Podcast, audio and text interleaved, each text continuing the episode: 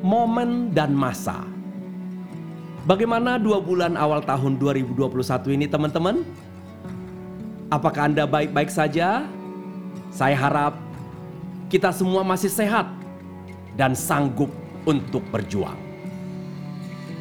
Banyak yang merasa tahun 2020 kemarin adalah tahun tersulit sepanjang hidup mereka.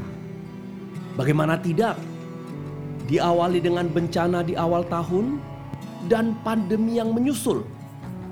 Banyak yang kewalahan melanjutkan hidup mereka.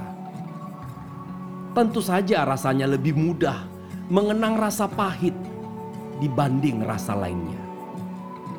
Masa-masa berat memang bukan sesuatu yang menyenangkan untuk diingat. Pada episode ini, saya mau mengajak teman-teman semua untuk membahas apa perbedaan masa dan momen. Sebuah masa adalah istilah yang dipakai untuk melambangkan jangka waktu yang panjang mewakili sebuah peristiwa penting. Misalnya, masa pandemi. Sementara momen adalah kata yang digunakan untuk sebuah peristiwa jangka pendek.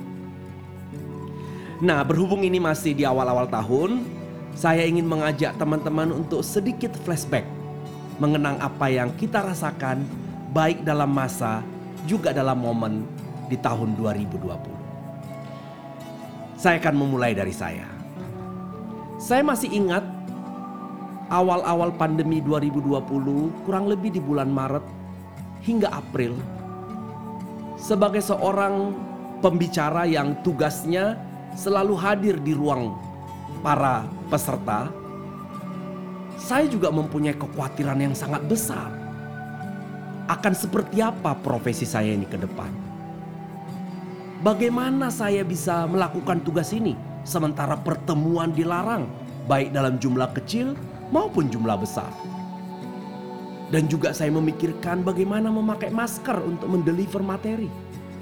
Bagaimana orang-orang datang dalam kekhawatiran ke kelas. Saya sungguh-sungguh tidak bisa membayangkan apakah ini akan jadi ujung dan akhir dari karir saya sebagai pembicara atau motivator yang saya sudah jalani 10 tahun. Namun saya juga berpikir bahwa menunggu tanpa melakukan sesuatu akan membuat kekhawatiran makin bertambah. Lalu saya memutuskan untuk memulai mengadakan sesi online dan tentu saja untuk memulainya saya nggak mungkin meminta peserta langsung membayar saya memulai dulu dengan sesi-sesi motivasi yang tidak berbayar, bisa lewat IG Live atau YouTube atau Zoom, tapi konsepnya masih saling menguatkan, sama sekali tidak dipungut biaya. Dan saya melihat respon peserta luar biasa. Dan sejak itu saya melihat ternyata ada kebutuhan yang besar justru di masa pandemi ini, yaitu motivasi. Dan kebutuhan motivasi ini lebih besar dibanding dengan saat-saat tidak terjadi pandemi. Lalu saya sangat percaya diri untuk memulai sesi motivasi berbayar dimulai di bulan April.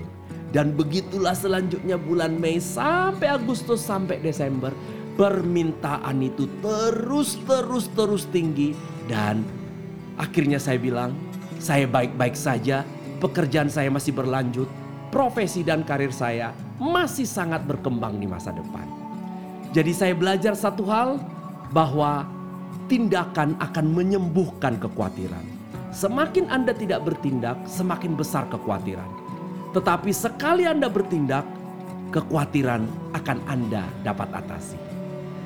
Itu cerita dan kisah saya untuk mengenang masa dan momen-momen di sepanjang 2020. Teman-teman boleh memulai juga untuk mengenangnya dari keadaan dan peristiwa yang Anda alami yang pada akhirnya Anda merasa dapat pembelajaran dan mengenal diri Anda jauh lebih baik justru ketika masa-masa sulit. Jadi di masa sulit pun selalu ada banyak momen-momen yang layak dikenang, yang layak menguatkan kita untuk masa-masa depan. Dari cerita yang saya bagi tadi, saya betul-betul disadarkan kurang adil kalau saya pukul rata bahwa tahun lalu adalah tahun yang sangat buruk. Ya, saya memang kehilangan banyak kesempatan, kehilangan banyak teman, bahkan sempat tersendat-sendat dalam berbisnis. Tapi saya ingat kembali momen-momen bahagia tersebut. Saya menjadi lebih dikuatkan. Saya sadar bahwa saya masih dikasihi oleh semesta, dan saya lebih kuat dibandingkan yang saya kira. Ada waktunya kita bekerja, ada waktunya kita beristirahat, ada waktunya kita tertawa, ada waktunya menangis. Ada juga waktu kita bersuka cita, dan ada hari-hari di mana duka cita tidak bisa kita hindari. Jika kita terlalu sibuk melihat hari-hari sebagai masa, mungkin kita jadi sulit untuk menikmati setiap momen. Tiba-tiba saja sudah satu tahun, dan tiba-tiba saja sudah tiga tahun, dan kita merasa belum melakukan apa-apa. Di saat kita ingin menyerah, ingatlah momen-momen yang menguatkan kita. Dengan tabah hati, ingatkan diri Anda bahwa di saat hari ini berakhir, pengharapan baru akan datang lagi. Ada baiknya kita mengingat bahwa setiap hari adalah hari yang baru, kesempatan yang baru, lembaran baru, langkah yang baru. Mari kita menghadapi tahun baru ini dengan meninggalkan kepahitan di tahun-tahun yang lama. Dan dengan harapan kita bisa semakin menikmati manisnya tahun ini. Pahamilah bahwa masa-masa sulit memberikan Anda kekuatan untuk menikmati momen-momen kecil yang membahagiakan. Teman-teman, terima kasih sudah mendengarkan podcast episode yang saya sebut apa masa dan apa momen. Mari kita terus bekerja sepanjang tahun ini dan masa-masa ini akan kita lalui dengan menikmati lebih banyak momen-momen manis. Sekali lagi teman-teman, jalani hidup jangan hanya menghitung waktu yang telah berlalu, tetapi nikmati setiap momen di masa yang sulit sekalipun. Tetap kuat, dan selamat menyambut masa-masa indah di masa depan sepanjang tahun 2021 ini.